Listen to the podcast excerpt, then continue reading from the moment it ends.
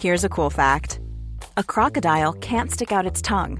Another cool fact you can get short term health insurance for a month or just under a year in some states. United Healthcare short term insurance plans are designed for people who are between jobs, coming off their parents' plan, or turning a side hustle into a full time gig. Underwritten by Golden Rule Insurance Company, they offer flexible, budget friendly coverage with access to a nationwide network of doctors and hospitals. Get more cool facts about United Healthcare short term plans at uh1.com. I'm Sandra, and I'm just the professional your small business was looking for. But you didn't hire me because you didn't use LinkedIn jobs. LinkedIn has professionals you can't find anywhere else, including those who aren't actively looking for a new job but might be open to the perfect role, like me. In a given month, over 70% of LinkedIn users don't visit other leading job sites. So if you're not looking on LinkedIn, you'll miss out on great candidates like Sandra. Start hiring professionals like a professional. Post your free job on linkedin.com/people today.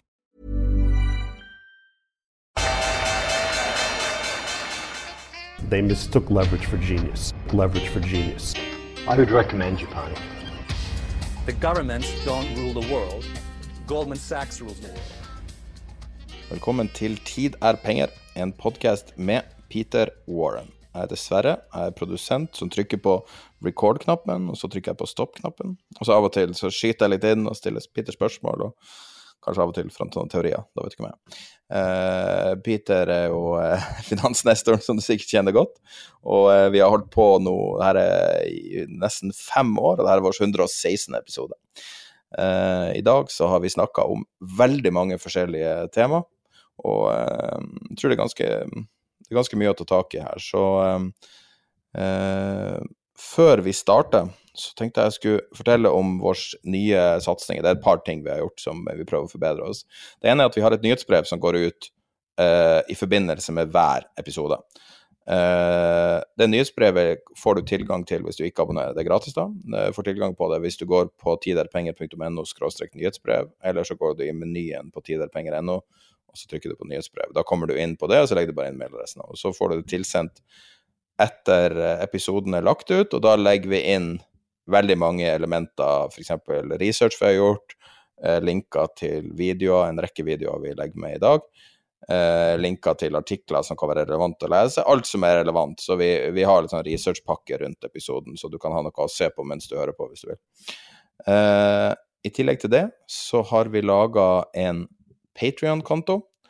Det betyr at du kan få en alternativ utgave av podkasten med å eh, eh, betale på Patron, der du kan i, i praksis skippe alt av reklame og promo. Så sånn som den her vil du ikke da høre i denne episoden. Um, og uh, de uh, promo- og reklamefrie episodene, så har du også muligheten altså Det er den ene tingen, men du har også muligheten til å donere hvis du føler for det. Nå har jo vi uh, laga podkast i nesten fem år og har aldri bedt om noe egentlig fra lytterne, og vi ber fortsatt ingen donere. Men hvis du likevel ønsker det, så kan du gjøre det. Eh, vi hadde Skal vi se, nå skal jeg finne fram til den aller første Patrion-støtten vi fikk. Jeg lovde han at jeg skulle, at jeg skulle gi han en liten shout-out. Uh, skal vi se, jeg må bare scrolle ned og finne han. Det var nå ganske mange her. Så uh, Trym, uh, veldig hyggelig at du ville støtte, og her får du din, din shout-out. Um, ellers så har vi mange andre, jeg skal ikke gå gjennom alle sammen. Eh, og ehm, vi, ehm, vi er jo nå da Den, den Patron er jo nå på tiderpenger.no, skråstrek Patrion, Patreon. Den er også i menyen hvis du ikke klarer å stave det. Og, ehm, og det er noe eksperimentelt for oss. Vi snakka om det i mange år. Vi fikk så mange forespørsler, det høres jo flys- klås- altså, flåsete ut å si at vi fikk mange forespørsler, men det var gjentatte ganger at folk sier om vi ikke skulle lage en Patrion. Om det er at folk forventer mer innhold, det kan være, men, men det virka som at det var flere som hadde et ønske om å donere. Så, så det, nok, det er jo ganske nytt det her med donering i forhold til media. Så vi prøver det ut, og så foreløpig er det veldig vellykka. Uh, og eh, hvis det fortsetter å være vellykka, så vil vi også kanskje lage eget innhold der det er ingen løfter. Det får vi litt se an, men, eh, men det gir oss en mulighet til å eksperimentere litt med nytt og mer innhold. Uh, F.eks. hvis vi ville lage en intervjuserie, så ville vi kunne finansiere det med donasjoner. Eller brukerbetaling. Så, så det er noe vi tester ut. Det er vel nesten ingen som, som har det i Norge. Men jeg sjøl abonnerer på, på, en rekke Patrion-podkaster som jeg syns er en veldig givende ting. Så, så vil jeg også anbefale å laste ned Patrion-appen til å høre på. Den funker veldig godt. Driv og legger inn RSS-feeden også, sånn at du får en egen feed eh, med um, Du kan legge inn i din, uh, din uh, MP3-spiller, altså din podcast-spiller. Um, ellers så har vi en rekke tjenester du finner på tiderpenger.no. Og det kommer bare mer og mer inn der, så hvis du oppsøker sida, så vil du se ganske mye innhold innen finans. da. Facebook-gruppe, søker på tiderpenger.no på Facebook.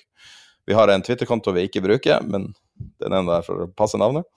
Eh, og så har vi da det nyhetsbrevet, som er det som er kanskje vår viktigste kanal. Hvis du har lyst til å være med og chatte på det som jeg tror er Norges største chattekanal for finans, så er det tiderpenger.no live-chat. Finn det også i menyen. Uh, og der er det Spesielt når noe skjer, så er det veldig mye aktivitet der. Så det, du får i hvert fall vite hva som skjer i markedet til enhver tid. Um, vi bruker det også som en sånn måte å holde det oppdatert på.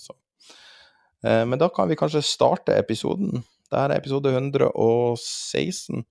Ja, da sitter vi og ser, uh, før vi starter på markedet, og, og, rett før vi skrudde på, så satt vi og så på uh, på lumber, altså på tømmermarkedet, som da hadde en helt absurd topp som påvirka boligpriser i hele verden og alt mulig, boligbyggerpriser, og så nå er det tilbake igjen. Det er fart fra nesten 800 dollar ned til 530 dollar på kort tid. Så ja. Eh, det, det, bare gjenta det jeg har sagt før om, om akkurat det markedet. og det er, et, det er, et, marked for i anførselstegn innsidere. altså de, Det er for eh, sagbrukene og, og, og, og, produsentene som på en måte styrer det markedet. Og spekulanter burde holde, egentlig holde seg helt unna. Jeg har prøvd å trade det noen ganger, og det er ikke bare fordi altså, jeg, jeg tapte sikkert penger på det, men men det som virkelig skremte meg i det, var, var, den lave likviditeten. At det var veldig vanskelig å få gjort ting. Uh, slik at det er ikke et marked som, uh, som det er naturlig at man investerer i. Hvis man skal gjøre det, så kan man jo implisitt gjøre det f.eks. gjennom amerikanske homebuilders eller et eller annet sånt. Uh, det, det finnes andre måter å, å, gjøre det på, men jeg ville definitivt Eller, eller kjøpe skogområder, for den saks skyld. Men eh, jeg ville definitivt ikke gjøre det gjennom eh, future-kontrakten. Det, det, er meg personlig. Men jeg vet, jeg vet, at veldig mange andre som har, har tradet, eh, ligger unna det markedet nettopp av den årsak. Apropos det du sier, jeg kom bare til å tenke på en detalj som jeg ikke har sett noen påpeke. Du har bolig, altså boliger i USA, og så har du biler i USA som har skutt i været. Det er to dyreste tingene som folk kjøper, som har skutt i været av kostnader. Ja. Eh, og alle indekser man har over da hvordan folk forholder seg til å kjøpe ny bil eller ny bolig, har stupt. Altså at de er veldig lav interesse for begge to. Eh, har det noe, jeg kan ikke tenke på at det har skjedd i historien at de to dyreste tingene har skutt i verdi samtidig. Nei, når du, når du, når du sier det, så Eller det, det Altså det som er med USA, er jo bl.a. dette med, med bruktbilmarkedet, som har da utviklet seg altså, som, har, som, har, steget kraftig. Og var det en eller annen som sa, jeg tror jeg retweetet den, men jeg husker ikke akkurat uh, hva den var, men han, han, gikk gjennom da de forskjellige uh, asset-klassene, aksjer og alt mulig, ned, ned, til gull som da er ned osv. Og, så videre, og så viste det seg at en 20 år gammel Toyota Corolla hadde, hadde bedre avkastning enn en alle disse. Da, da, da, vet du at uh, det, er noe, det er noe skjevhet i økonomien et eller annet sted. Man skulle tro at å kjøpe biler i Norge og eksportere dem til USA kanskje er en Men selvfølgelig, fraktpriser er dyr, så kanskje ikke det heller går. Ja, det er akkurat kanskje det, er nettopp, det er nettopp derfor prisene er høye. så det går ikke an å frakte noe. Ja, kan være. Kan være. Det er jo det er som du sier, altså fraktratene eh, har ikke bare steget kraftig, men de fortsetter å stige. Så, så, og det er jo noe vi også vil se som ikke har um, utspilt seg ordentlig i inflasjonstall enda. Fordi de har blitt delvis absorbert av, av importører. Men i det øyeblikket de begynner å, å skru opp prisene, og det er, det, er, det er, kun tidsspørsmål før man gjør. Så vil vi jo se det på, på andre forbruksartikler, helt sikkert. Av, av altså alt vi egentlig importerer sjøveien. Ja, men jeg har så masse, masse charts som går ut i den, um, i den uh, uh, nyhetsbrevet vi sender ut hver uke etter podkasten, som er forbindelse med uh, Og en av de chartene skal sende ut, er um, et sånn oversikt over shortage, altså ting som er mangelvare i verden. Og da er det primært møbler, elektronikk, biler og klær og sånne ting, da. Uh, og biler er absolutt majoriteten av det her. Og, og shortagen er veldig tilbake. Så hvis du har da uh, et uh, Jeg tror det er et antall nevninger i media, for det er jo veldig vanskelig å ha oversikt over det, så er det ned fra 1500 som et forholdstall da, ned til ca. 400. Mm. Sånn at den shortagen virker allerede enten blir blitt mindre interessant for media, eller at den ikke eksisterer lenger. Nei, altså jeg tror at, eh, jeg tror at du eh, er inne på det når du sier det, det, det, det, siste, nemlig at det var under lockdownen hvor folk brukte mest penger. Og det tror jeg er vel en, en Tror du det? Var ikke det høyere sparerate? Nei, ja, du hadde, du hadde også høyere sparerat, men du så også folk brukte mye mer penger. De bygget om ting, og de gjorde forskjell, ja. forskjellige ting. Så du, du så det. Til og med, ja, til og med overdosedødsfallene gikk opp, i USA gikk opp 30% i 2020. Wow. Um, så det var tydelig at man brukte altså man, det, var, det, var, ikke mangel på å bruke penger. Så jeg husker jo det var artikler på NRK om at det var narkotikamangel i Oslo. jo, men det, det, var vel fordi uh, man ikke fikk importert noe. Altså man fikk ikke Altså det var ikke noe altså da, da Kina stengte ned og, og, alt annet begynte å stenge ned, så, fikk, så, det, så gikk det utover over importen. Og nå tror jeg vel ikke de, nå vet ikke jeg hvordan man importerer narkotika, men jeg vil ikke tro det er gjennom The Postal Service, for å si det på den måten. I hvert fall ikke det meste. Eh, sli, og at det er eh, at nå tar jeg bare dette her ut, ut fra at, hva jeg har sett på TV, men at det er kurerer som, som, tar det med. Og det er klart at hvis du ikke slipper det inn i landet, så, så, vil jo effekten av det være at det blir mindre narkotika for salg. På samme ja. måte som, uh, som du fikk mindre kriminalitet også. Som følge av at, uh, at grensene ja, ble stengt. Hva sier du? Mindre terror? Det var jo ingen terror i 2020 omtrent. Nei, det, det, det Altså da inkluderer jeg amerikanere som skyter opp andre amerikanere som terror? ja, nettopp. Ja, det var mer sånn ja, innenlandsterror i tilfelle. Men eh, nei, det, du kan ha rett i det. Men den terroren vi har sett f.eks. på i europeisk jord, de, eh, de senere årene har vel vært radikaliserte lokale, tror jeg. Altså, eller, altså folk som allerede befant seg i landet som er blitt radikalisert. Det har jo for så vidt uh, Norge et godt eksempel på. og nå nærmer vi oss... Men Kan vi snakke, kan vi snakke om det, da? Fordi at Du sa noe til meg en gang vi snakka på telefonen når det var daglige knivstikkinger i Oslo. Det har roa seg litt, da. Uh, men det er jo drap og knivstikkinger, både pistol og, og, og knivvold. Og... Men du sa noe interessant, da. Har du lyst til å, å gå inn på det, eller skal vi Nei, du må minne meg på hva det var. Nei, du sa at du hadde sett uh, om det var uh, med egne øyne eller analyser, men at det var litt skummelt uh, hvis man da ser fem-ti år fram i tid i forbindelse med homegrown terrorisme. Ja, altså jeg vet ikke om du kan ta altså homegrown i det øyeblikket Altså det er jo to ting som skal til for at du får um, homegrown, homegrown terrorisme. Og det er, den ene er jo kapasitet. Eh, med andre ord at uh, man får tak i uh, det man har tenkt å utøve terroren med. Om det er sprengstoff eller skytevåpen, eller for så vidt kniv, som ikke er få, sikkert ikke vanskelig å få tak i i uh, Norge. Men allikevel, det finnes jo regler for hva du kan gå rundt med. Og den andre delen er jo at du har en intensjon. Og de fleste kan jo ha intensjon, men egentlig, altså når, når, det kommer til det, så er det folk som blir forbanna i nuet. Det er, det er veldig, veldig sjelden, heldigvis, at du ser Behring Breivik, Philip Manshaus-typer som da går med intensjon over tid, og som bygger seg opp kapasitet.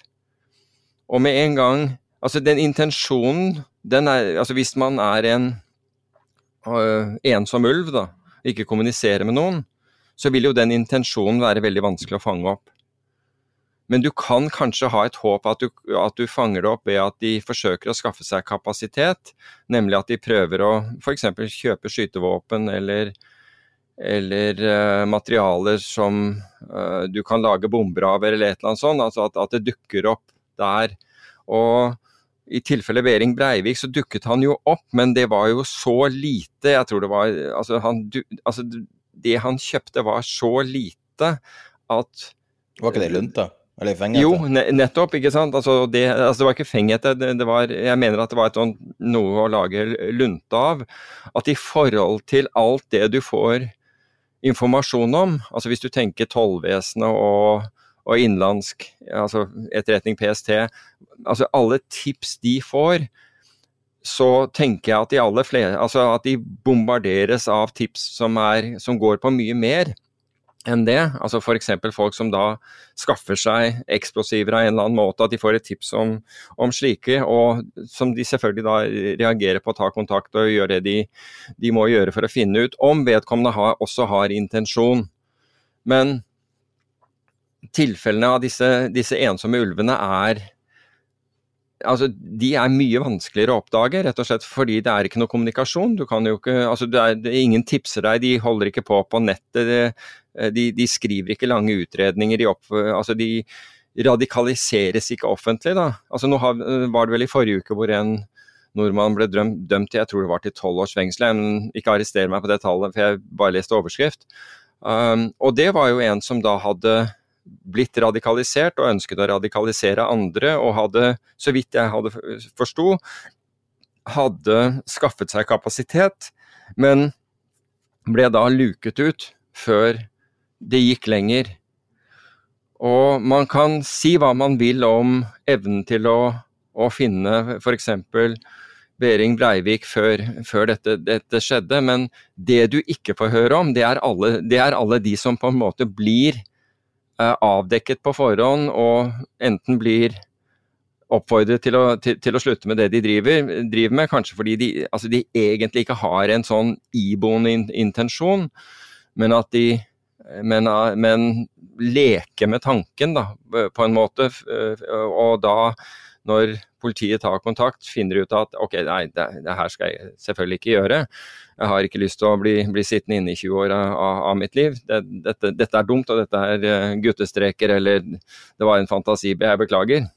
De aller fleste vil jo være der, men det vi ikke hører om, er alle de som på en måte blir i anførselstegn avvæpnet på den måten, da, ved at myndighetene faktisk, eller politiet da, øh, oppdager dem. Men hvor mange, er det? hvor mange er det i Norge i løpet av et år? Vet du det? Det vet jeg ikke. Det vet jeg, det tror jeg ikke. Altså, hvis du, du kan jo lese Hvor mange vil du anslå? Jeg, jeg, vil ikke spekulere på det, uh, men PST har jo en Både PST og E-tjenesten har vel både åpne og lukkede rapporter. Og i den åpne rapporten så vil du jo på en måte se hva de, hva de, hva de bryr seg om og, og, hvor deres fokus ligger. Men, men tjenesten ble jo uh, omorganisert etter, etter uh, uh, 22.07. Altså Utøya og, og regjeringskvartalet. Det, det, var jo my mye mer enn kontraetterretningstjeneste som fulgte med uh, fremmede spioner i Norge og, og, den biten der til Selv om de også hadde antiterror. Anti men det er klart at når noe sånt skjer, så, så altså, og, og, det har jo skjedd også i Europa. Så, så ved at radikaliseringen har skjedd med, med innbyggere i et land, nød, du trenger ikke å flytte folk over, over, over grenser. Men det er litt interessant, for vi kan jo altså Et av temaene i dag er jo, er jo geopolitikk. Og hvis vi kan snu litt om på, på dagsorden holdt på å si, og, og, snakke om det, siden vi allerede er inne på det, så vil jeg virkelig sette meg opp i stolen nå. Fordi det som skjer i Afghanistan, nemlig at, at USA trekker seg ut, og Norge allerede har gjort det, og osv. Og, og du ser aggresjonen til eh, Taliban, så er jo dette da noe som har da vart i nesten 20 år. Det har vel egentlig vart i Jeg har et tall til deg. 2200 Jeg tror det er 2230 milliarder dollar det har kosta Afghanistan. 2230 milliarder dollar, OK. Uh, Så uh, hva det blir uh, To dager med overnight utlån fra Fed. Ja, altså jeg, jeg vet at Irak, Irak kostet 1,7 billioner dollar. Altså jeg, sier, trillion. jeg sier 1000 milliarder, bare for å ikke få den Ja. På norsk heter det billioner, på engelsk heter det trillion. Bare for å ikke få den forvirringa, så sier jeg 1000 milliarder. Men, Men, men eh, hvis vi sier at, at eh, altså, den aggresjonen som, som Taliban syns å vi, vise umiddelbart nå, da um, Hvis den skal være en pekepinn altså eh, hvis du, hvis du ser på USA, da eh, altså, Jeg vet ikke om de Har de vunnet noen krig siden ja, de, de vant jo ikke Vietnamkrigen, for, for å si det på den Korea. måten.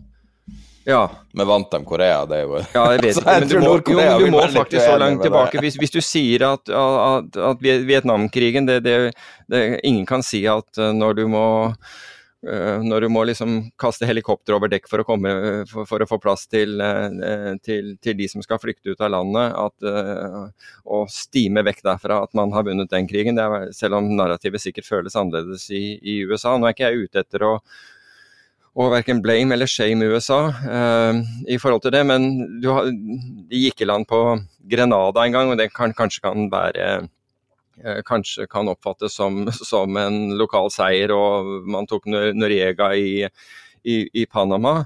Men Irak eh, endte jo med at nesten 190 000 sivile irakere ble drept. Det, det er tallet. og Amerikanerne mistet vel nesten 4500 mann, og 32 000 ble, ble skadet under den krigen. Og som, som jeg nevnte, den kostet 1,7 billioner uh, dollar, og ledet Og, når, da de trakk seg i 2011 så Altså, da var jo da, da, jo da var det jo ingen ledelse i landet. Alt som var av lederskap, var jo sparka og hadde, og, og hadde, hadde enten sparket amerikanere eller, eller, kommet seg ut av landet. Og resultatet var IS til slutt. Men poenget mitt er at, er at du hadde da eh, Du så jo hva Irak ledet til, og så neste du, du ser er Syria. Og man, ingen kan si at den Altså ja, du har fått IS ut av, av Syria, men hvor dro IS? Jo, IS har dratt bl.a. til Afghanistan og inn i Nord-Afrika. Og så kan man si at ok, vi har forskjøvet dem til, til en ny verdensdel. Det må være ok. Nei, det er ikke det, for franskmennene har nå, har nå bestemt at de skal trekke, hvis de ikke allerede har gjort det, trekke en vesentlig del av sin styrke ut av Sahil-området. Og det Sahil-området er, er sør for øh, Sahara. Um, det, det beltet som er sør for Sahara og nord for Sudan, så det, det er Tsjad og Niger og, og, og disse landene. Og en, og en av de som har hatt den største etterretningskapasiteten i Nord-Afrika, har vært franskmennene. Og er, er fortsatt sikkert eh, franskmennene, men i det øyeblikk du drar ut de, de franske kapasitetene fra det området, eller i hvert fall reduserer det, så øker faren. Så nå har du da økt fare i Nord-Afrika. Du har Syria som, som fortsatt ikke er eh, stabilt. Du har Irak som definitivt ikke er, er stabilt. Og nå har du da Jemen. Jemen fortsatt. Ja, i det minste, altså Når det gjelder Jemen, så i det minste har USA sagt at de er ikke med lenger. Altså, Amerikanere bomber ikke eh, lenger i Jemen, men det har jo vært en sånn prøve Det har vært nærmest et prøveskytefelt for, for eh, en hel haug av nordafrikanske land, i tillegg til Saudi-Arabia. Du har Jemen, som du nevner, og nå får du da Afghanistan, som da både har da Taliban og, og IS. Så Og Iran, ikke minst. ja, så har du altså, ja, jeg, jeg oppfatter nesten Altså, jeg tror jo Det er mulig at jeg er naiv, men jeg tror jo at uh, at Iran kan snakkes med. Og hadde, hadde ikke Trump tatt den, den holdningen han gjorde, nemlig å, å trekke seg ut av avtalen med Iran uten at det fantes noe som helst bevis for. Han bare snakket om det, men etterretningsorganisasjonene støttet ikke opp om det i det hele tatt. At iranerne hadde brutt avtalen, denne atomavtalen. uh, så så hadde, så hadde, ikke det området igjen liksom blitt, eh, blitt, et, blitt, et, så stort problem som det er. og nå, nå, står man, Men jeg tror jo at man kan snakke, sannsynligvis kan snakke med iranerne. fordi iranerne har lidd under alle mulige boikotter. Uh, og, og, det ble jo en ny boikott idet USA trakk seg ut, så de har lidd såpass mye økonomisk at jeg tror at de ønsker å de, de, de ønsker en bedre hverdag. Og de er drittlei av å bli behandlet som de har gjort. Så jeg oppfatter ikke, men jeg kan, jeg kan ta feil. altså Geopolitikere må gjerne rette meg opp her. Du snakker om geopolitiske problemer. Hva er summen ja. av det her? Er det her geopolitiske problemer som blir globalske, glo, globa, globalske, globale økonomiske problemer? Blir det noe jeg tror... Altså, jeg sitter og ser på kartet. Jeg måtte ta opp kartet når du begynte å snakke, fordi at det var mye av de landene ikke var mm. sjans til å plassere. Og og spørsmålet er liksom Kan det være f.eks. Eh, runde to av problemer i Suezkanalen, eller kan det være eh, bombing av randomme tankere i Adenbukta, eller hva er, hva er liksom hva er summen ja, det, av det her økonomisk, da? Det det. Nei, altså jeg, jeg, tror jo at du nå får et nytt sånn i anførselstegn friområde for, for groende misnøye og, og, og kall det terrorisme. Uh, i, i, i, disse delene, altså Afghanistan, Nord-Afrika uh, og at det, altså slik at Jeg, jeg oppfatter at vi, vi går mot en, en, farligere hverdag. Absolutt mm. mye farligere hverdag. I Europa? Ja, i Europa også. fordi altså, Europa har jo opptrådt som imperialister i, i denne delen av verden. Så uh, Og det er mange mennesker Altså, bare tenk på Jemen, um, som uh, Men, du, men ikke, ikke, eksklusivt til det, men som har som, som føler at, at de ikke er blitt riktig behandlet, for å si det forsiktig. Så jeg tror at, får, at det er blitt en sånn grobunn. Og når vi da i tillegg mister uh, etterretningskapasitet i, i, det området, som, som franskmennene har vært veldig, veldig gode på, så, så, så Etter min oppfatning så øker faren. Så jeg syns jo at den geopolitiske eh, spenningen absolutt er på vei opp. Så får vi se om det det er riktig eller ikke. Men lenger nærmere oss så er det jo russerne, og, eh, og det at vi får eh, en klar og tydelig fanebæring av USA på norskekysten og sånn. Er ikke det en del av det samme?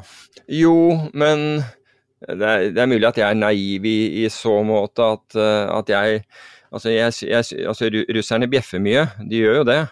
Og, og, og, de oppfatter sikkert at de gjør det med, med rette, i og med at uh, Europa kritiserer det de driver med i, i Ukraina osv. Men uh, men, men, jeg oppfatter ikke Russland som en, eh, som en sånn trussel. og det kan være, som jeg sier, det, det, kan være veldig naivt. Og de som er fokusert på den delen, de, de vet jo veldig mye bedre enn meg hva, hva, som foregår der. Men vi har jo ikke sett den ty... Altså, da begynner du å snakke om en helt annen altså, Det er ikke det at ikke russerne kan gjøre noe. altså Det, det har de jo gjort på bl.a. engelsk jord med å forgifte folk og, og for så vidt også gjort det i Paris. De er jo ikke tamme når det gjelder, når det gjelder, eh, når det gjelder eh, angrep på dissidenter. Men eh, de har ikke, de har ikke utøvd mot andre lands borgere, så vidt jeg, vidt jeg vet. Det kan godt hende de har gjort det òg, men ikke som jeg, jeg kjenner til. Kan hete Berg? Odd Berg? What's the word? Frodeberg, mener du? Frodeberg. Oddberg. Ja. Nei, jeg tror ikke jeg skal Gammel Tromsø-bedrift.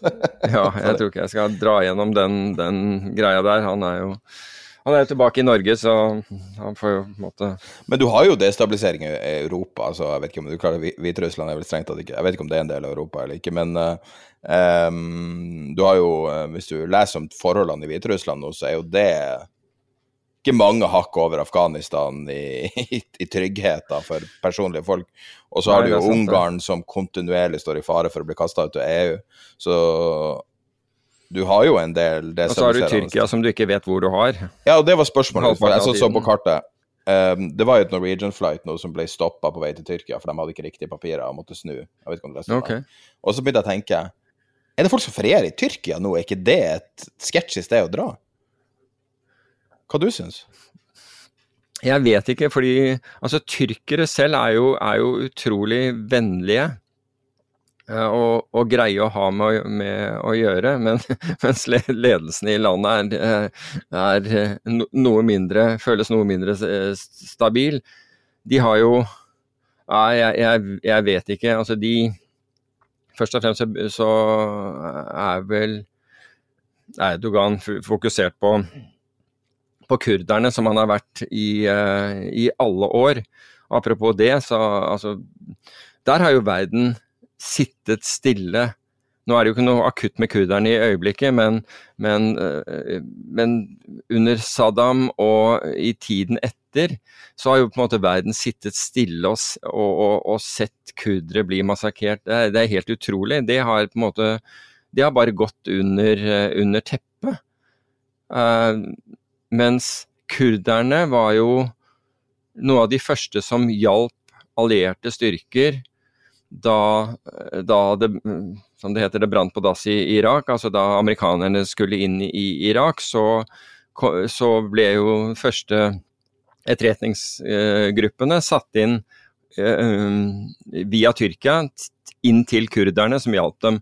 Og kurderne eh, de trente jo også opp, opp kurdiske grupper som senere fant Scud-raketter og mange, mange, sånne ting. Altså hjalp spesialstyrker og, og, og, og fortalte, fortalte, amerikanerne uh, hvor, hvor, forskjellige mål var og så, og så videre.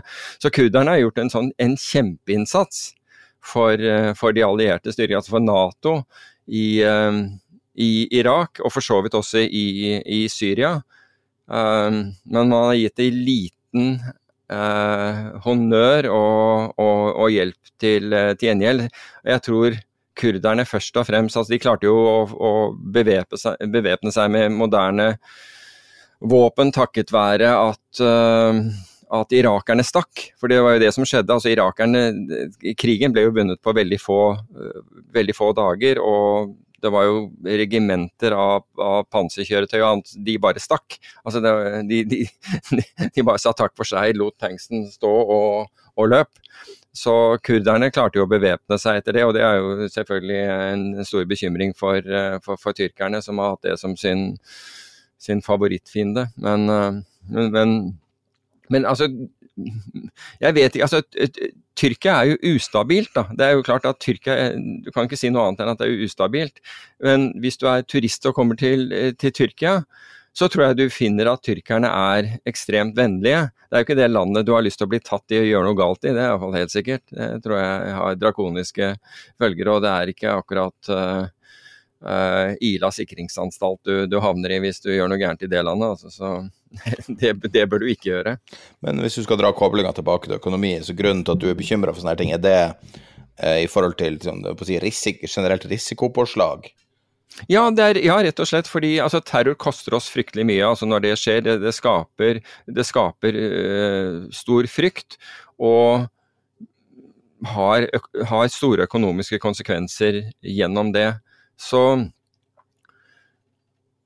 så jeg vil jo si at, at den type aktivitet er eh, Altså, den, den, jeg, jeg, oppfatter at med, den, med, det som har skjedd uh, i Afghanistan og i Nord-Afrika, Irak og Syria, så har, så, har, så har, verden blitt mer, et farligere sted. Også Europa har blitt et uh, farligere sted, men vi, vi, bryr oss egentlig lite om, om dette i øyeblikket. og jeg skjønner ikke helt, helt hvorfor. Jeg syns det er mange ting som skjer samtidig, som jeg akkurat har nevnt. Altså amerikanere og andre ut av, uh, ut av Afghanistan. Franskmennene da delvis ut av, uh, av Nord-Afrika. Og dette, disse tingene skjer samtidig, og det skjer samtidig som disse gruppene da uh, trenger seg inn i disse områdene. Og da, da, blir, det, da blir stabiliteten utfordret. Og det vil være naivt å tro at man bare fordi vi er Altså nå Under covid, som du har nevnt, så er det mye vanskeligere å, å, å få krysset grenser, men nå har man jo begynt å åpne opp igjen. Med, med de følgene det har. Og, det, og, en av følgene vil jo være at, at det er også mobiliteten til disse øker også. Så får vi håpe Altså, jeg virkelig håper jeg tar feil, bare så det er sagt. Jeg virkelig håper at det absolutt ikke skjer noe. Så Men det er jo superinteressant det du sier. Jeg har ikke hørt om det her før, så Nei, det blir vel ikke så mye fokusert på midt oppi covid og, og, og, alt det andre vi driver med, så jeg vet ikke. Jeg er sikker på at de som trenger å fokusere på det, gjør det, da, for å si det på den måten. Men det kommer jo samtidig som vi ser de første ubestri... Jeg vil si man har hatt uh, global oppvarming tendenser i veldig mange år, og det har vært snakk om det kommer snart, på en måte. Det er virkelig ille. Men nå er det ganske ubestridelig her. Mm. Se på Tyskland.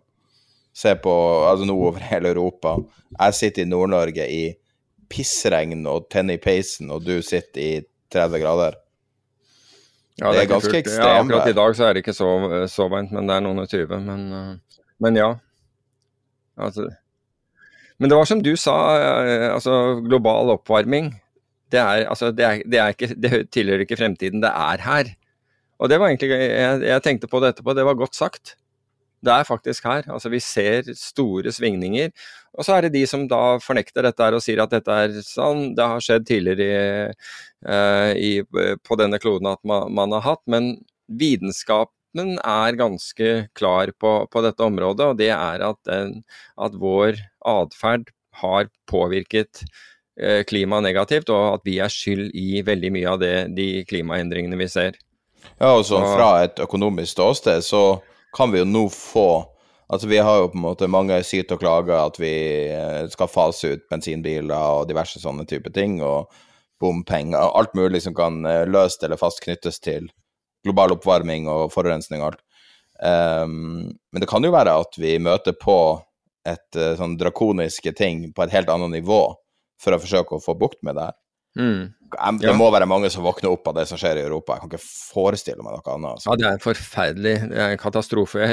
Man har kommet opp i nesten 160 døde, men, men fortsatt Men de kommer ikke til de landsbyene Nei, det er akkurat det, men, det, men det er det at mobilnettet også er nede, slik at man, man får ikke Altså, det er jo Du mangler jo Eller man har jo ikke oversikt over bare 1100 mennesker pluss, uh, men en av en, en av utfordringene her er også at eh, mobilnettet er nede, så man får ikke kontakt.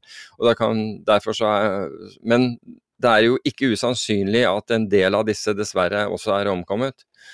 Så, men det er, det er voldsomt, altså. Det er hvem, altså, Naturkatastrofer kommer ut av intet, og jeg tror ikke Ja de, var tydeligvis ikke forberedt i, i Tyskland, uh, verken der eller i Belgia. Men nå så um, var det nyheten i dag som sa at det hadde spredd seg til Østerrike. Eller man forventet et uh, lignende, om lignende, i hvert fall et svært uvær i Østerrike. Men da De vil nok være mer forberedt, da, for å si det på den måten. Du, du, du, du holder deg ikke nede i dalbunnen når, uh, hvis du venter ekstremvær, men på den annen side. Men samtidig, altså det er jo ikke sånn Altså, det her det har høljeregna eh, så lenge Altså i, liksom i hele sommer, egentlig, her. Og det er jo ikke så veldig langt unna det som skjedde i Tyskland. Og det er jo ikke sånn at jeg går og søker ly i høyden, liksom. Så um, jeg skjønner jo dem som ikke tok det her på alvor, for hvem i alle dager trodde at noe sånt her skulle skje. Men ja. det som er tingen er at man kan jo liksom diskutere på en måte breaking news, og det er jo ikke så, så interessant hvis du hører på det her om seks måneder, som det er mange som gjør. Men, mm. men det som er interessant, er jo nettopp det at at uh, Altså, det som Lisa Simpson sa i Simpsons en gang, er at fordi at uh, Homer da skulle spille rollen som en sånn global oppvarming-fornekter. Og så var det en dag der det var veldig varmt på som er veldig varmt på vinteren, nei, veldig varmt på sommeren eller veldig kaldt på vinteren, et eller annet sånt, og så var det 'Where's your global warming now?' Og svaret mm -hmm. var at global oppvarming fører til ekstremvær i alle kanter. Og og det er vel det vi bare må venne oss til, at det her er ikke en outlier, det her er en ny normal. Ja. Og det er en ganske skummel tanke. Og hvis du tenker på økonomisk vekst, så, som er jo Altså, vi snakker jo stort sett om ting knytta til økonomi og finans. Ja. Og jeg vil jo også påpeke at for første gang er vi Norges største økonomipodkast nå. Oi. Dog pga. sommeravvikling. Det er én som er større enn oss på økonomi, men privatøkonomi. men, men det er litt artig. Ja, det var så, så vi må jo kanskje knytte det litt tilbake til økonomi. Og, og eh, hvis det er én ting som knuser vekst, så er det jo usikkerhet. Ja. Absolutt. Q inflasjonsfrykt i USA. Ja. Ja. Hva du syns du om inflasjonstallene? Ja, de er jo voldsomme. Um, og altså hvis vi ser en sånn Men det er jo helt merkelig. altså Hvis du ser på realrenten i USA gjennom Fed Fund, så er det en Og hensyntar da, altså som du da skal for at du skal få en realrente, eh, hensyntar eh, inflasjonen, så er realrenten minus 5,4% det er, jeg mener det er et absurd tall, rett, rett og slett. Så no, noe er gærent. Men hvis du ser på Altså, du har selvfølgelig Markedene, økonomien er kommet i gang etter at man begynte å gjenåpne. og Så kan man diskutere hvorvidt man har åpnet for raskt, fordi høyst sannsynlig vil du se smittetallene øke nå som vi sosialiserer mer. Noe annet vil være, være merkelig, så får vi se hvor mye de øker. Men de har økt såpass mye i deler av USA, bl.a. i, i California, at der vurderer man å gjeninnføre maskepåbud. Så det begynner jo å skje ting der ute uh, som, er, som er alvorlig, men vi syns jo det er kjempeålreit å, å, å, være 35 stykker i en badestamp, ikke sant. Det er jo, ja. Men Da så vidt jeg har sett tallene, så er det hvis du har mRNA-vaksine Mm. eh, i et land Altså England har jo store deler av AstraZeneca, f.eks. han eh, Den veldig symbolske saken som kom de siste dagene med han helseministeren som er smitta. Han har tatt Astra. Jeg måtte gå tilbake og finne ut hvordan vaksiner han har tatt. og Han har tatt AstraZeneca, og den er jo ikke mRNA. Eh, så det kan jo se ut som at valget av vaksine er utslagsgivende på om det blusser opp igjen, og selvfølgelig vaksinemotstand. Og USA okay. har jo Er, er Pfizer det? Pfizer og Moderna er mRNA. Alle andre Yes! Yes!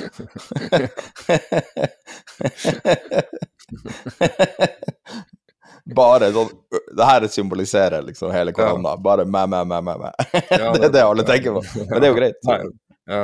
Men uh, Norge har jo noen med AstraZeneca, men stort sett så er det jo mRNA, og vi ser jo at smittetallene har jo ikke økt i Norge.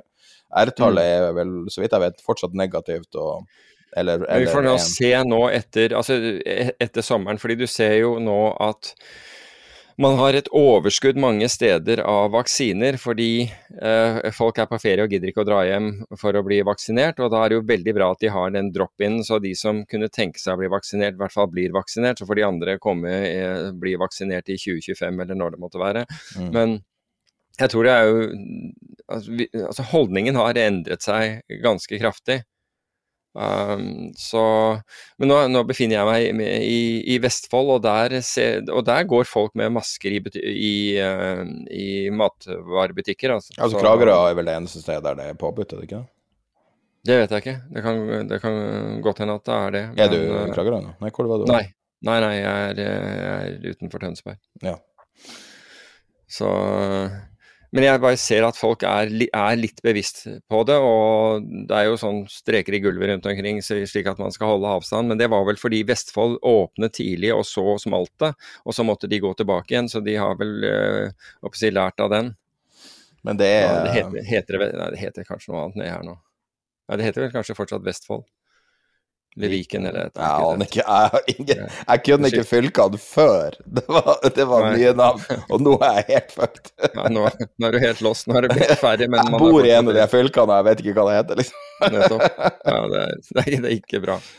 Det er ikke bra. Men, eh, men, vi, men hvis vi bare ser, altså, ser litt til, til markedene. altså I forrige uke så snakket man om at det var det dårligste aksjemarkedet i USA på, på, på, på flere måneder, altså det ukestallet. Men det, altså, det, det er jo syltynt vekk fra eh, all time high, så jeg skjønner ikke helt hva man, man snakker om, bare fordi det er, markedet er ned en ja, jeg vet ikke hva det var noen prosenter eller noe sånt. Det var jo veldig, veldig lite. Men du har jo sagt det sjøl, at folk er gira. Altså en nedgang på, på 5 Ja, ja og, og det er sant, altså ut ifra det, det perspektivet. Men vi ser kredittspredder, de er nå tilbake på 2007-nivå i USA. Altså 2007-nivå, vi husker hva som skjedde i 2008. Belåningen er jo høyere enn noen gang. Boligprisene er høyere enn noen gang. Sikringsinstrumenter, altså hvis du skal kjøpe deg opsjoner, så er det på nivået som fra altså før covid inntraff. Vi har fortsatt en del eh, covid her. Bensinpriser er det høyeste siden, siden 2014. Så det er en del ting som Jeg føler at det er en del ting som, som, som skjer her. altså. Men når du sier at vi husker hva som skjedde i 2008, refererer du til at Dark Night kom på kino, eller hva er det? Nei, jeg tenkte mer på finanskrisen, for å være helt ærlig. Og, og, og, det er jo slik, men, og det er jo et veldig paradoks at sikringsinstrumenter er billigst når egentlig risikoen er størst. Uh, det er jo helt, helt utrolig. Så, så, nå Men jeg tror du nevnte, når vi snakket sammen litt tidligere i dag, så nevnte du at det var en ny rekord i opsjonsvolumet i USA? Ja, det, jeg legger ved den uh, analysen uh, uh, som henviser til det. Jeg legger ved i nyhetsprogrammet. Selv om du kan også spekulere med opsjoner, så tenker jeg også da, da at det betyr at noen driver og sikrer seg med, med opsjoner også. Så, så, det ville være en god ting. Tror du ikke det er mest call-opsjoner? Ja, men det kan godt hende. Jo, men det er jo greit nok hvis du selger aksjene dine og kjøper call-opsjoner fordi call-opsjoner er såpass billig. Så, så, har du mindre risiko. Eller du har, altså du har innebygd leverage. Det kan være. Det, det, kan være at det er det, det, også, men du kan si at eh, nå har bevegelsen i det siste vært så liten at jeg vet ikke hvor mye du får ut, eller i hvert fall har fått ut av det. Men, men du kan si at du kan gjøre forskjellige strategier med opsjoner nå som, som gjør det ganske lønnsomt å bruke opsjonsmarkedet fremfor for aksjemarkedet. Opsjoner og, som uh, forfaller i løpet av to uker, står for 75% av all handel. Wow. wow. Men vi vet jo at vi har disse Morgan Stanley, det, dette fondet som selger for milliarder. Altså, de selger én ukes opsjoner og ruller da For hver uke så, så er de i gang og, og ruller. Så de er nok en del av, eh, av, det markedet, men de bidrar jo også, siden de er utstedere av opsjoner, så bidrar jo de til å gjøre opsjoner billigere for, for, for oss alle. Så, så, men poenget mitt er at de som ønsker å sikre seg, kan få sikret seg til en billig pris nå. Og det er en bra ting. Og hvis vi ser på Det er litt artig, for eh, jeg så på statistikken over norske hedgefond i, i dag. Eh, og da statistikken for altså første halvår. Og der er jo 15 17 av 18 fond opp. Jo, det er jo vanlig at fondene er opp når aksjemarkedet er opp, eh, skal det sies. Men det er, det er også det nest beste markedet i Norden. altså I gjennomsnitt så er hedgefondene opp 6,47% dvs. Si 6,5% i år. Hvis du bruker indeksen, og Finland har da er, finske fondene er opp i snitt 7,7. Og Fremdeles så er det dette Oslo Asset Management som leder. De er eh, de er opp 35% i år, foran Pareto total, som er opp 16% og Noma, som er opp, opp 14 Så det er ganske interessant å, å se at, at, flere fond både altså har gjort det bedre og, eller holdt følge med, med, med, aksjeindeksen. Så får vi håpe at hvis aksjemarkedet viser en motsatt, uh, motsatt, motsatt uh, retning, at de klarer seg da også. Eh, jeg ser at du har kommentert at amerikanske bensinpriser er så høye, men jeg var og sjekka nå på de norske. Og ut fra det jeg kan se, så er det Altså snittprisen er 18,09 i Norge nå for uh, bensin. Mm. Eh, nasjonalt, da. Og, og, ut fra det jeg kan se med den begrensa dataen jeg har, så er det Om det ikke er den høyeste det har vært, så er det helt på linje med det høyeste nivået vi noensinne har hatt. Ja, det er i hvert fall høyest, ja, høyest siden 2014 var det, var det, jeg så, men det kan være at det er det høyeste som har vært Ja, det var vel i USA, var det ikke det? Jo, men det, det, er jo, altså det er jo ikke bare oljeprisen som har steget, det er jo andre ting som, har, eh, som, som viser en, en, eh, formidabel opp, oppgang også. Men hvis vi, en ting som har vært interessant, var hvis vi skifter til eh, litt til teknologi, for der er det en del interessante ting, føler jeg, som har, har skjedd den senere tiden. Og jeg tenker da på Det første er Revolut, som nå uh, kommer på, på børs med, med, en verdi på 33 milliarder dollar. Og det er da et selskap som Ja, du, du får jo Jeg bruker det jo også. ja, nettopp. Ja, det er en internettbank. Ja, internettbank som har, har da kort og som gjør at du kan veksle til mye bedre valutakurser enn det bankene gir deg. Og jeg husker Dette fortalte jeg om for, for, flere år siden, og da var det en, en jeg kjente som kom til meg, hadde solgt en eiendom i, i England.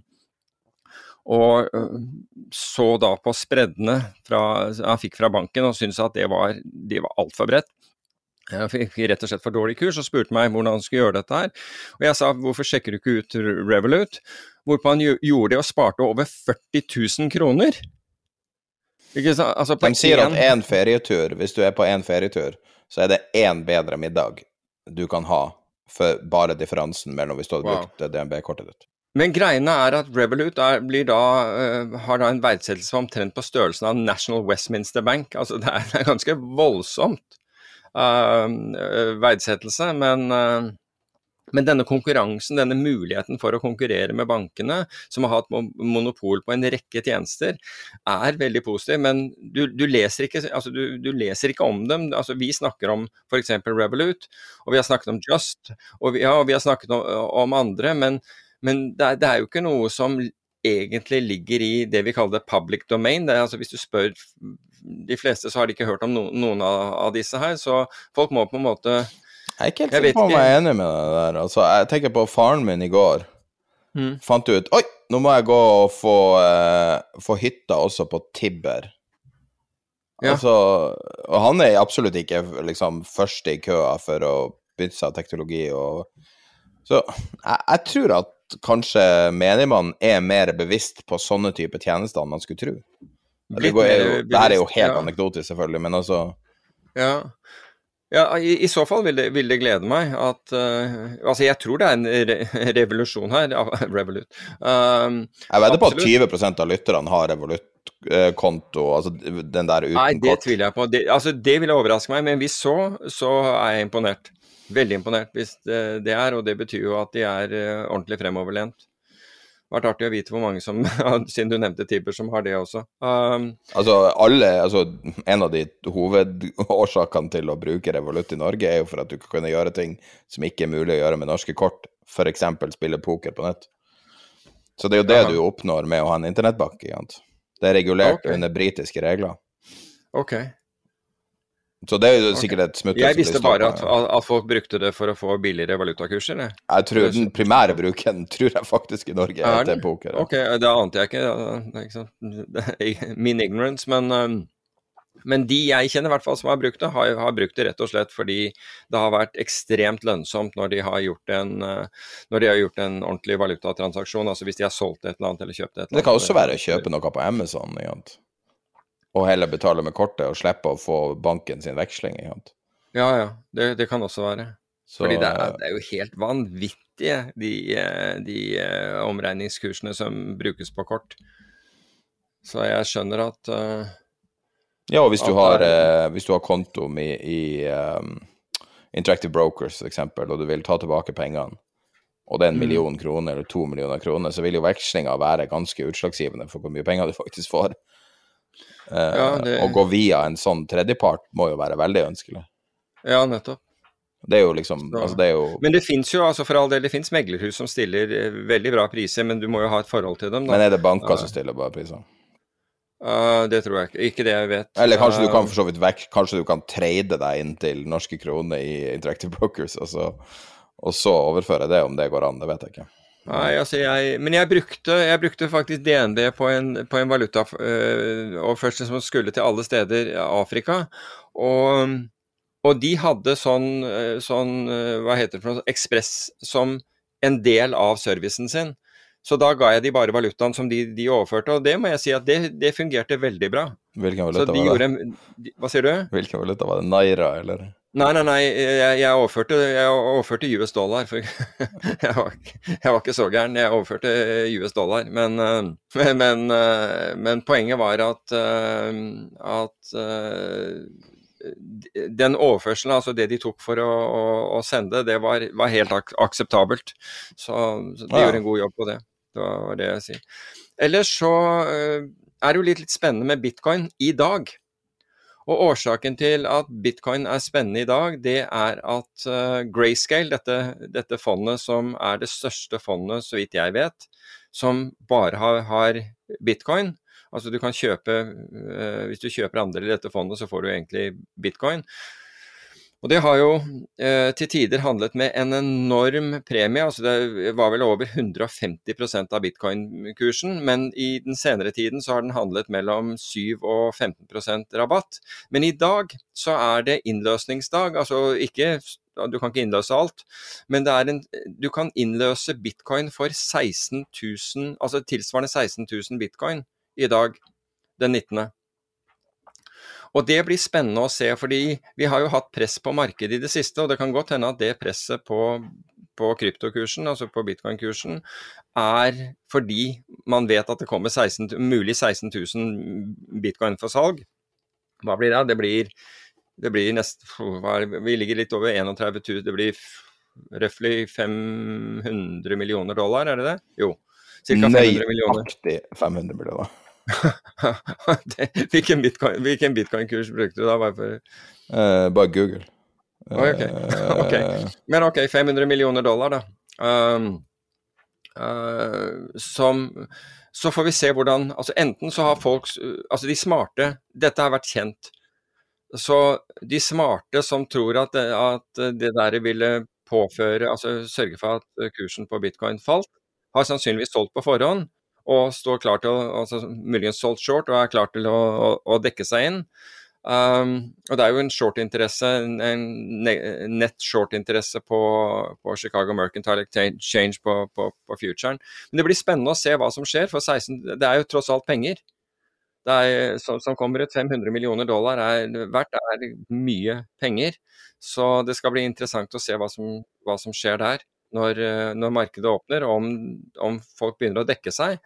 Men, men poenget mitt er at uh, om man nå vil Altså hvis man ser for seg at de som innløser uh, Altså hvis du innløser andelen din, så, så da forsvinner jo rabatten, ikke sant. Altså jeg, jeg tror jeg så? Jeg tror, de, jeg tror Grayscale handlet til, til ca. 15-16% rabatt. Så istedenfor å selge den til 15-16% på fredag, så kan man da Eh, innløst den i dag. Men da må jo samtidig forvalterne av Grayscale gå ut og selge bitcoin, hvis de ikke allerede har gjort det. Hvis de ikke på en eller annen måte har opsjoner eller gjort et eller annet for å, eh, for å, for å dekke den risikoen. De må jo da selvfølgelig bare selge det nettotallet. Hvis det samtidig tegnes, så vil det jo være nettobeløpet som, eh, som må ut i, ut i, markedet. Men det er i hvert fall en spennende ting som, som skjer i dag. Ja, Nei, det var veldig interessant. Men, Også ny informasjon for meg. Ja, og mens vi er inne på dette med, med, med teknologi, så har JP Morgan gått ut og anbefalt at man enten shorter eller hedger seg i ARK, altså dette fondet til Cathy Wood, uh, som er et teknologifond som gikk fantastisk i, uh, i fjor, og bl.a. er storeier av Tesla, og de eier jo også aksjer i, i, um, i Coinbase og litt forskjellig. Det, så den kom den, og, og, det er ganske Det er litt sånn atypisk, syns jeg, når investeringsbanker går ut og anbefaler eh, shortsalg.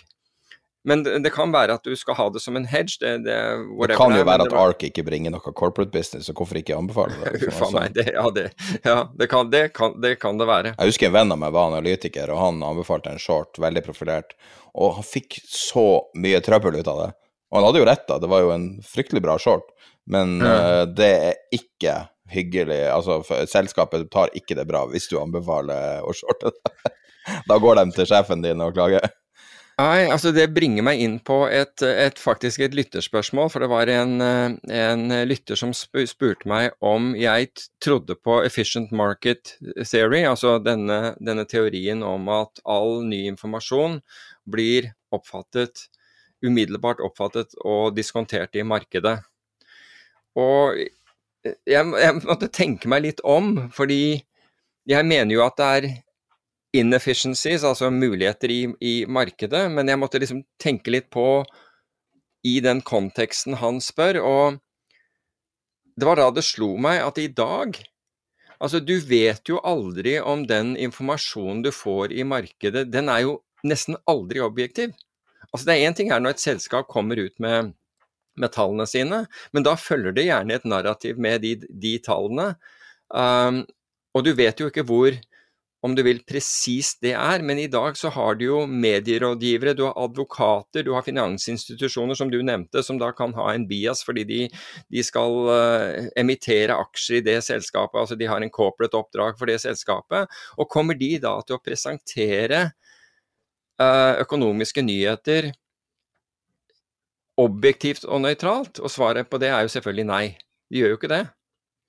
Så kanskje, på, på, sikt så tror jeg at, at, um, at en uh, efficient market theory gjelder, men det er jo ikke det egentlig vi snakker om når vi, når vi tenker på det.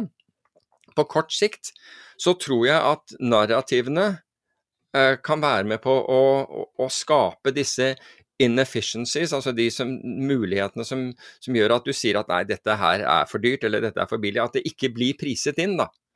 At det midlertidig oppstår feilprising uh, til tross for at nyheter kommer ut.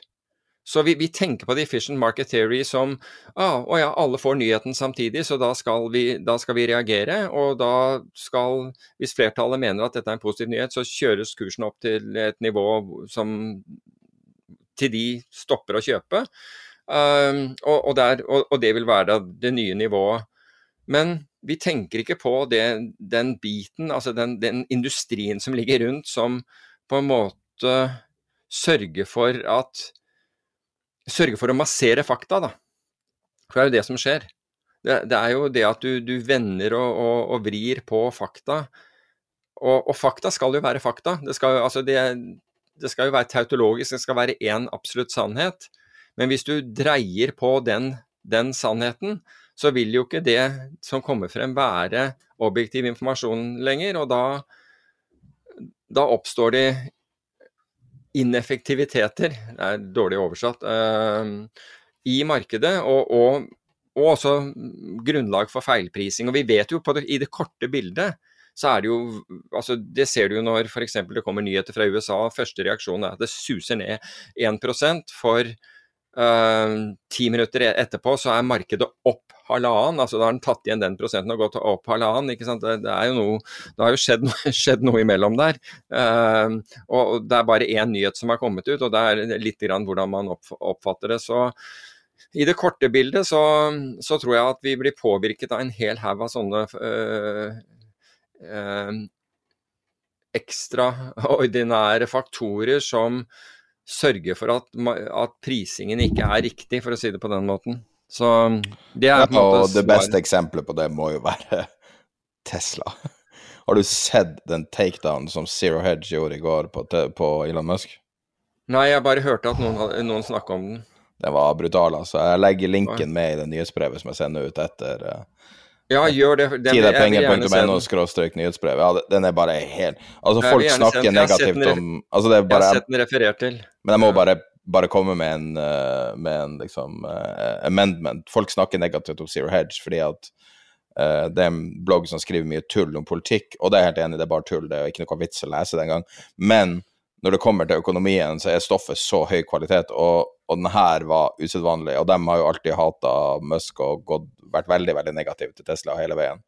Men okay. uh, det her er knytta til rettssaken og knytta til den her um, ja, full self-drive. Ja, men altså på en måte på grunn av det så har det kommet ut masse ja, tysk, ja, hva var det tyskerne der er, Hadde ikke tysk hadde ikke den endt i en tysk rettssak, den der full self-drive-saken? Ja, ja, ja, det er jo hvor, masse rettssaker som pågår, men når du får jo, se hvor, hvor tyskerne hadde forbudt uh, at man brukte at de, Altså forbudt Tesla å bruke Og hevde det, fordi den er ikke full self-drive. Ja, det, det, er utrolig, det, er utrolig, mange deler, helt sikkert. uh, ja. og, og, det som um, Men det som Altså, i dag lanserte de jo et abonnementstjeneste på full self-drive i stedet for å betale 150 000 kroner, eller hva det koster. Mm -hmm. uh, for et produkt. Men det er jo helt de siste ukene har det jo vært veldig mye støy rundt uh, full self-drive. Og det er jo litt sånn uventa, fordi at det her har jo vært noe som har vært i markedet i mange år, vært kritisert tidligere for å være et inkomplett produkt som uh, er i trafikken. Et, et beta-produkt i beste fall som er i, produkt, i, fabrikken, nei, i, i trafikken. Uh, men de siste ukene har det kommet videoer der folk tester de her nye versjonene av full self drive, bare, bare kjører i, i, trafikken, og hvor farlig bilene oppfører seg. Så Det er jo helt utrolig at de får lov å ha det, hvis det her videoen stemmer, da. Det er jo vanskelig å si. Men uh, uansett om du er positiv eller negativ til Tesla, så anbefaler jeg å lese denne gjennomgangen fra, fra Zero Hedge uh, som ligger i nyhetsbrevet.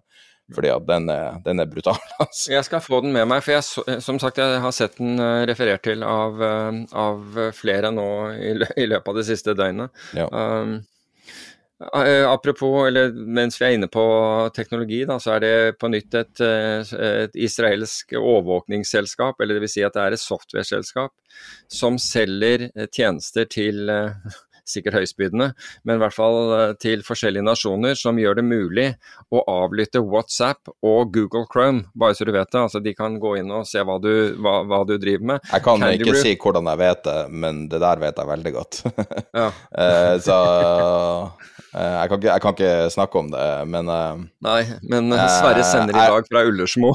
jeg lover at, at jeg har first hand knowledge. Fra, fra, om at det går an å bli overvåka på WhatsApp, så eh, Ja, og de hadde og, og Det, de det er for så vidt ikke så nytt som det høres ut som det her. Det, det finnes hacker på det. Ja, de gjør det sikkert, men de har overvåket da altså Journalister er blitt overvåket, og dissidenter er blitt overvåket, og politikere er blitt overvåket. Så det er, eh, så det er en sånn sak som går. og Jeg så at The, The Economist også hadde om Men det var et annet selskap. Uh, og de hadde, som da også hadde overvåket en av deres journalister. Så Men du er enig i at man burde bruke Signal i stedet? Det er det som er den offisielle anbefalinga til mange politikere? Ja, uh, men uh, altså jeg tror det er en, at man gjør en stor tabbe hvis man tror at, at det også er sikkert. Ja. For, å si, for å si det på den måten. så, men du kan si at at hvis du, hvis du, ikke driver med statshemmeligheter eller gud forby smugler, smugler, dop, så, så, kan du sikkert bruke Signal til, til uh, det, meste. Men uh, Nei, det er i hvert fall det alt, amerikanske politikere får den anbefalinga. Så Altså, Signal regnes som, som veldig bra, men du, du, du får jo også tjenester som, som, jeg vet du er klar over, hvor man kan pere telefoner, slik at, uh, at, uh, at du får kom kommunikasjon direkte mellom to telefoner. Og det er veldig høyt kryptert. Men det her forutsetter jo at Hva det heter det der de er nye Med Signal kan du slå, slå, inn hvem som helst omtrent, ikke sant? Altså, Men hva heter den der, hva heter den der, den der Å, oh, herregud, nå glemte jeg det. Nye, sånn um, kvantedatamaskiner. Hvis det tar av, så vil jo teoretisk sett kryptering være en thing of the past, at det ikke er mulig å gjøre. Ja, mulig. Det er jo en av visjonene med kvantedatamaskiner. Ja. Du, har du den um, Lyst til å være litt bullish et lite øyeblikk her. Um, liksom kombinert et par analyser her for å komme til en bullish um, Så det ene er Jeg har et, uh, et chart som jeg legger ved i, uh, fra um, som jeg legger ved i, i, nyhetsbrevet, som er hva selskaper forventer neste tolv månedene sjøl.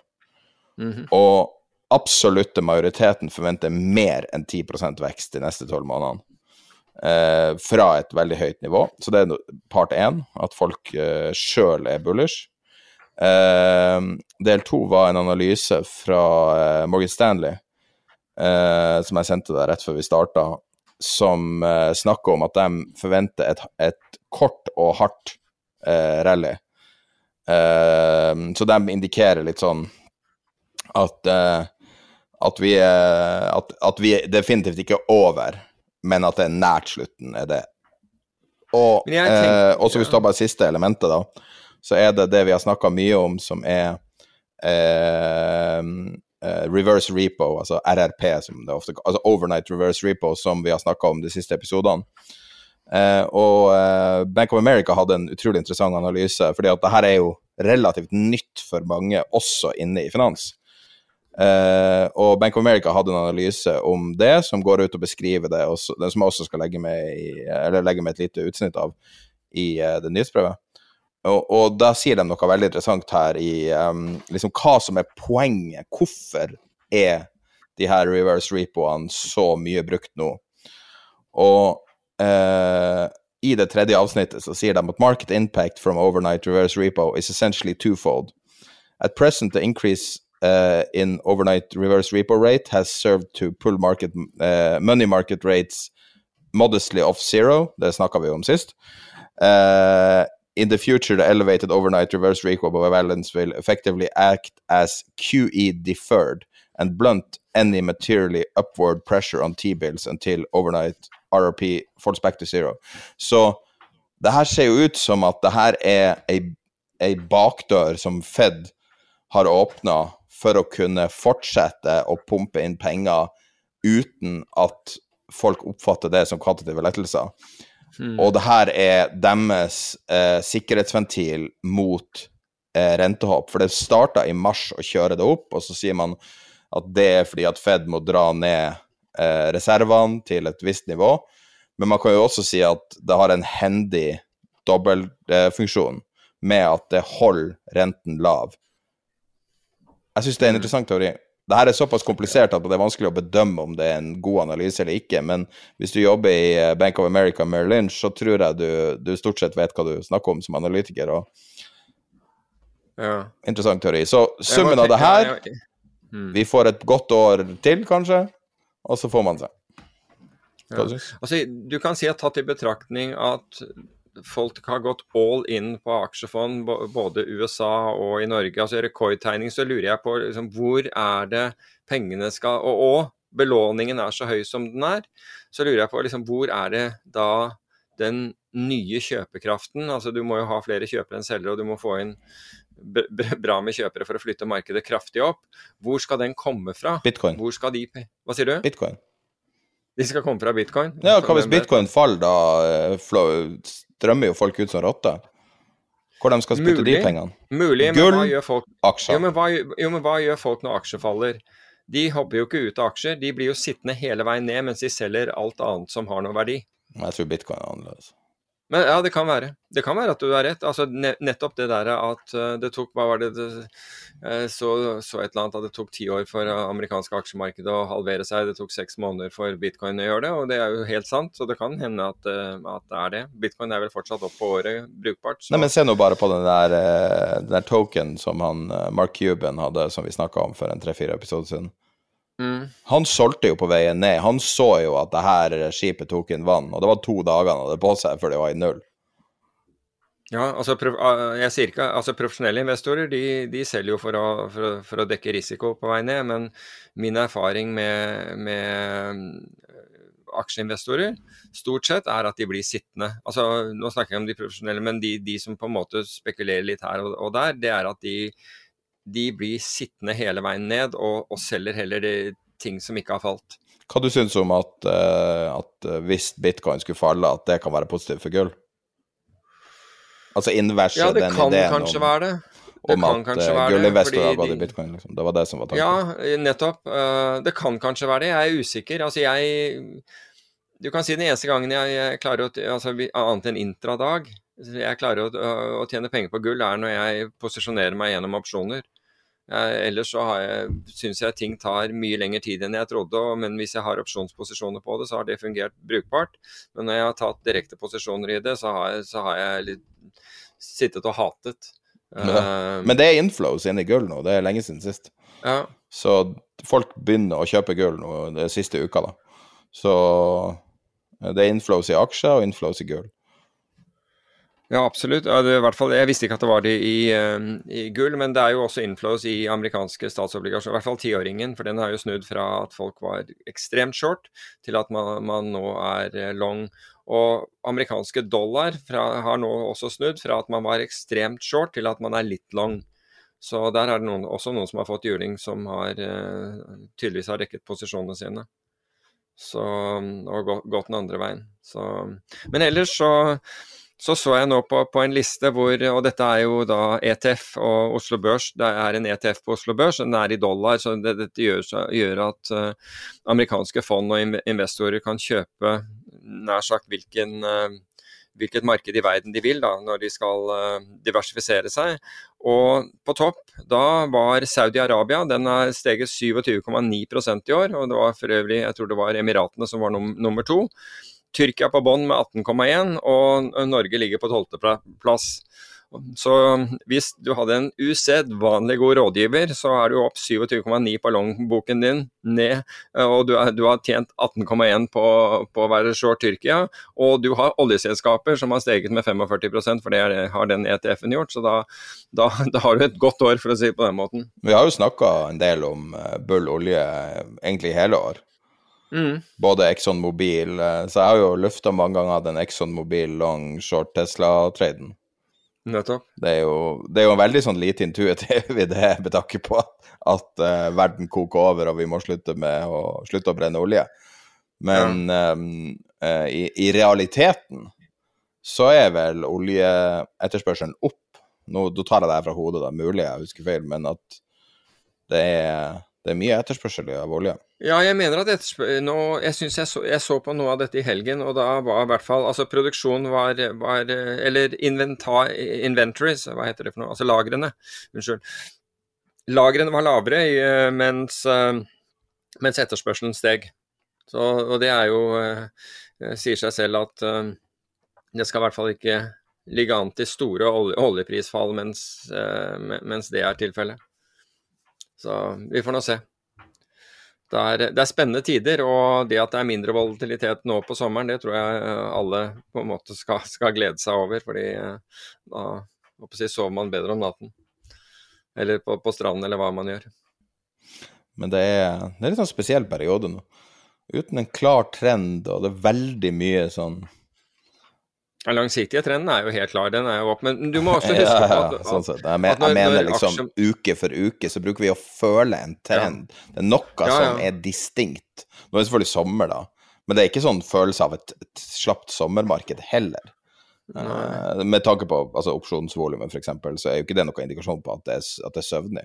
Kanskje på Oslo Nei, men da må vi også huske på at, har, at USA har ikke begynt ferien, ferien sin for alvor ennå. Det skjer i august. Men folk men, har nå uh, mobiltelefon, og veldig mye av opsjonshandelen er jo over Robin Hood, så For meg. Ja. Det er, en, det er, også en, måte å handle opsjoner på. Ja, det er jo for å maksimere giring. Det jo ja, ja, hvis det er det. Hvis det er det. Men vi må også huske på at, eh, og, og det skal vi være glad for, at når, når aksjemarkedet topper, så, så, er det gjerne over en, en, en lengre periode. Uh, og det, det, gjør ofte at folk sovner og ikke følger med. Uh, mens når det bunner, så bunner det, uh, kan, kan, det skje bråfort. altså Det kan bunne i en sånn V-type formasjon. Mens, mens, når det topper, så har den liksom en omvendt skål som, uh, som regel. Med mindre det er en, et eller annet sjokknyhet som, som kommer ut. Ja. Nei, men jeg tror kanskje vi begynner å nærme oss en slags naturlig slutt. Det var et par tema vi hadde til over som jeg tror kanskje vi kan la det ligge til neste uke. Ja, det kan vi godt. det er uvanlig mye som går ut i det nyhetsbrevet som jeg sender ut i dag. Hvis du ikke abonnerer på nyhetsbrevet, tiderpenger.no skråstrek nyhetsbrev, ellers ligger det i menyen i nyhetsbrev. Eh, vi har også en del eh, promo i hver episode. Det er ofte så mye som ti minutter i starten av, av hver episode, eh, i tillegg til at vi kjører reklamer nå på podkasten. Hvis du har lyst til å ikke ha de eh, reklamene, så kan du gå på tiderpenger.no skråstrek Patrion, eh, Patreon, eh, men du finner det også i menyen. og Da kan du få en abonnere på en feed. Du kan kombinere da å få reklame og promofrie episoder. I tillegg så kan du få lov å støtte podkasten. Så det skader jo ikke å bistå oss. Nå er vi masse folk som har støtta siden vi lanserte for ei uke siden, og uh, målet der er å og prøve å få eh, Kanskje etter hvert lage litt sånn smått innhold og ditt og datt. Lover ingenting, men det kan være. Eh, men hvis du er interessert i å støtte podkasten og vil at den skal fortsette, så er jo det en grei måte å gjøre det på. Men det du får igjen da, er reklame og promofrie episoder. Eh, så det er på tiderpengene.no skråstrek Patrion. Um, jeg vil også si en ting, da, en slags, ikke en korreksjon, for det var ikke feil det jeg sa, men uh, du hadde fått en meglersjef på nakken fordi jeg flere ganger referert til at det var en, eh, en kobbel med unge mennesker som tjente over 30 mill. på et meglerbord. Det er et par år, par, mer et par år tilbake, men det var en som jobba på en obligasjonsdesk, jeg vil ikke si hvordan selskap det var, men som fortalte om uh, dem som tjente best i firmaet. Men uh, det er jo nye regler. Så jeg tok en sjekk nå med en uh, venn av meg som bare, så bare spurte jeg hva er status akkurat nå, hvem er tjener mest, og hvor jobber de. Han sier lønningen nå Altså, Finansavisen har en sak også, vi legger med link til den i, i nyhetsbrevet. Men eh, han sier at 10-15 millioner, Arctic, Pareto, ABG Sundal. Eh, men det at de, de, nye bonusreglene har. Så eh, en betydelig del må jo være fastlønn. Så 3-4 millioner har de eh, i fastlønn. Og så eh, dem som tjener best, er dem som i tillegg til å ha da corporate, driver med uh, Altså har et aktivt meglerbord også. Aksjemegler. Mm. så og da er det også at man har sånn aksjepartnerskap-organisering er visst en viktig faktor i det her. Så, så 10-15 millioner er, er, det, er det som er realistisk i 2021 på det aller best betalte folkene. Uh, nå har Finansavisen en oversikt. Om den er riktig, det er helt umulig å si. Om han har rett. Han er en troverdig kilde som, uh, som vet absolutt alt som foregår, så, så, jeg vil tro at han har rett. Men uh, da har vi kanskje blidgjort den her meglersjefen som var irritert over at jeg henviste til noen gamle lønninger. Der unge folk tjente veldig bra, men det var fortsatt riktig. Det var bare ikke akkurat i år. Um, men da tror jeg vi har dekka alt, inkludert det lille korreksjonen. Eller utvida informasjon på det.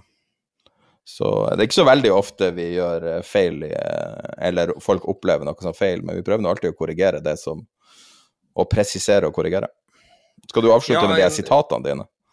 Jo, eh, det kan jeg godt gjøre, men før det så, så tenkte jeg at uh, altså hvis, hvis, folk uh, opplever noe som er faktafeil, så er vi, i hvert fall for min egen del, og det tror jeg du også er, så er jeg takknemlig for å, å bli gjort oppmerksom på det og, og skal rette det opp. Fordi, men samtidig, vi driver jo ikke en avis, ikke sant, så det er jo Nei, men, vi, men forsøker jo hele tiden å bli bedre, og, hvis det er, og, og det kan glippe, absolutt uh, kan det det, så det er, jeg blir ikke, blir, blir ikke på, på noen måte oppgitt og sur hvis uh, noen gjør, gjør, meg oppmerksom på en feil jeg har gjort. Tvert imot. Ja. Det var jo en som havna på chatten, på den livechatten vår, eh, en som var, og, var veldig, veldig oppgitt, helt åpenbart en uh, Norwegian-aksjonær, som var veldig oppgitt over uh, det var, Jeg vet ikke når vi snakka om Norwegian, men det har det vært mange ganger. Og mente at det var en konspirasjon og shortsalg og alt. Jeg vil også si at vi har til og med, altså Jeg snakka med Finanstilsynet akkurat hva reglene er. Jeg visste reglene, men jeg har presisert det. Og, og den, en, altså den, viktigste tingen er at hvis man snakker om noe man har eierskap i, så, så vil vi alltid si det. Selv om det ikke er relevant, og selv om det er utenfor regelverket. Når det gjelder meg, så er det aldri. Jeg trader ikke. Jeg er produsent av en podkast og næringsdrivende. Peter trader mye, men nesten bare i store, likvide utenlandske instrumenter som det er helt umulig å påvirke. Ja, uh, var, det han, uh, var det han som jeg svarte, som du tenker på? Ja, Norwegian. Ja, men jeg følte jo liksom, som jeg sa til han, altså siden vi begynte, å, begynte å, å, som han sier, snakke ned Norwegian, jeg har ikke følt at jeg, Jeg tenker ikke på det sånn, jeg tenker mer på, på, på fakta. Så hadde Norwegian falt med 99% så jeg følte at vi, at vi hadde belegg for det vi hadde sagt. Jeg følte liksom at det var, det var innafor, for å være ærlig. Men han har jo rett at det er jo sykt. Jeg har jo sett utallige tilfeller av uh, dypt kriminelle ting som andre har gjort i forsøk på å manipulere ting. så, så det, det, er ikke det at det ikke foregår. Men uh, rent personlig så er jeg allergisk mot det. Jeg vet at du også er veldig forsiktig med alt du, du ja. sier og gjør. Men når man ikke handler i norske aksjer, så er det jo stort sett ikke så veldig mye man kan påvirke. Men uh, når man er Norges største økonomipodkast, så må man jo ta ansvaret, da.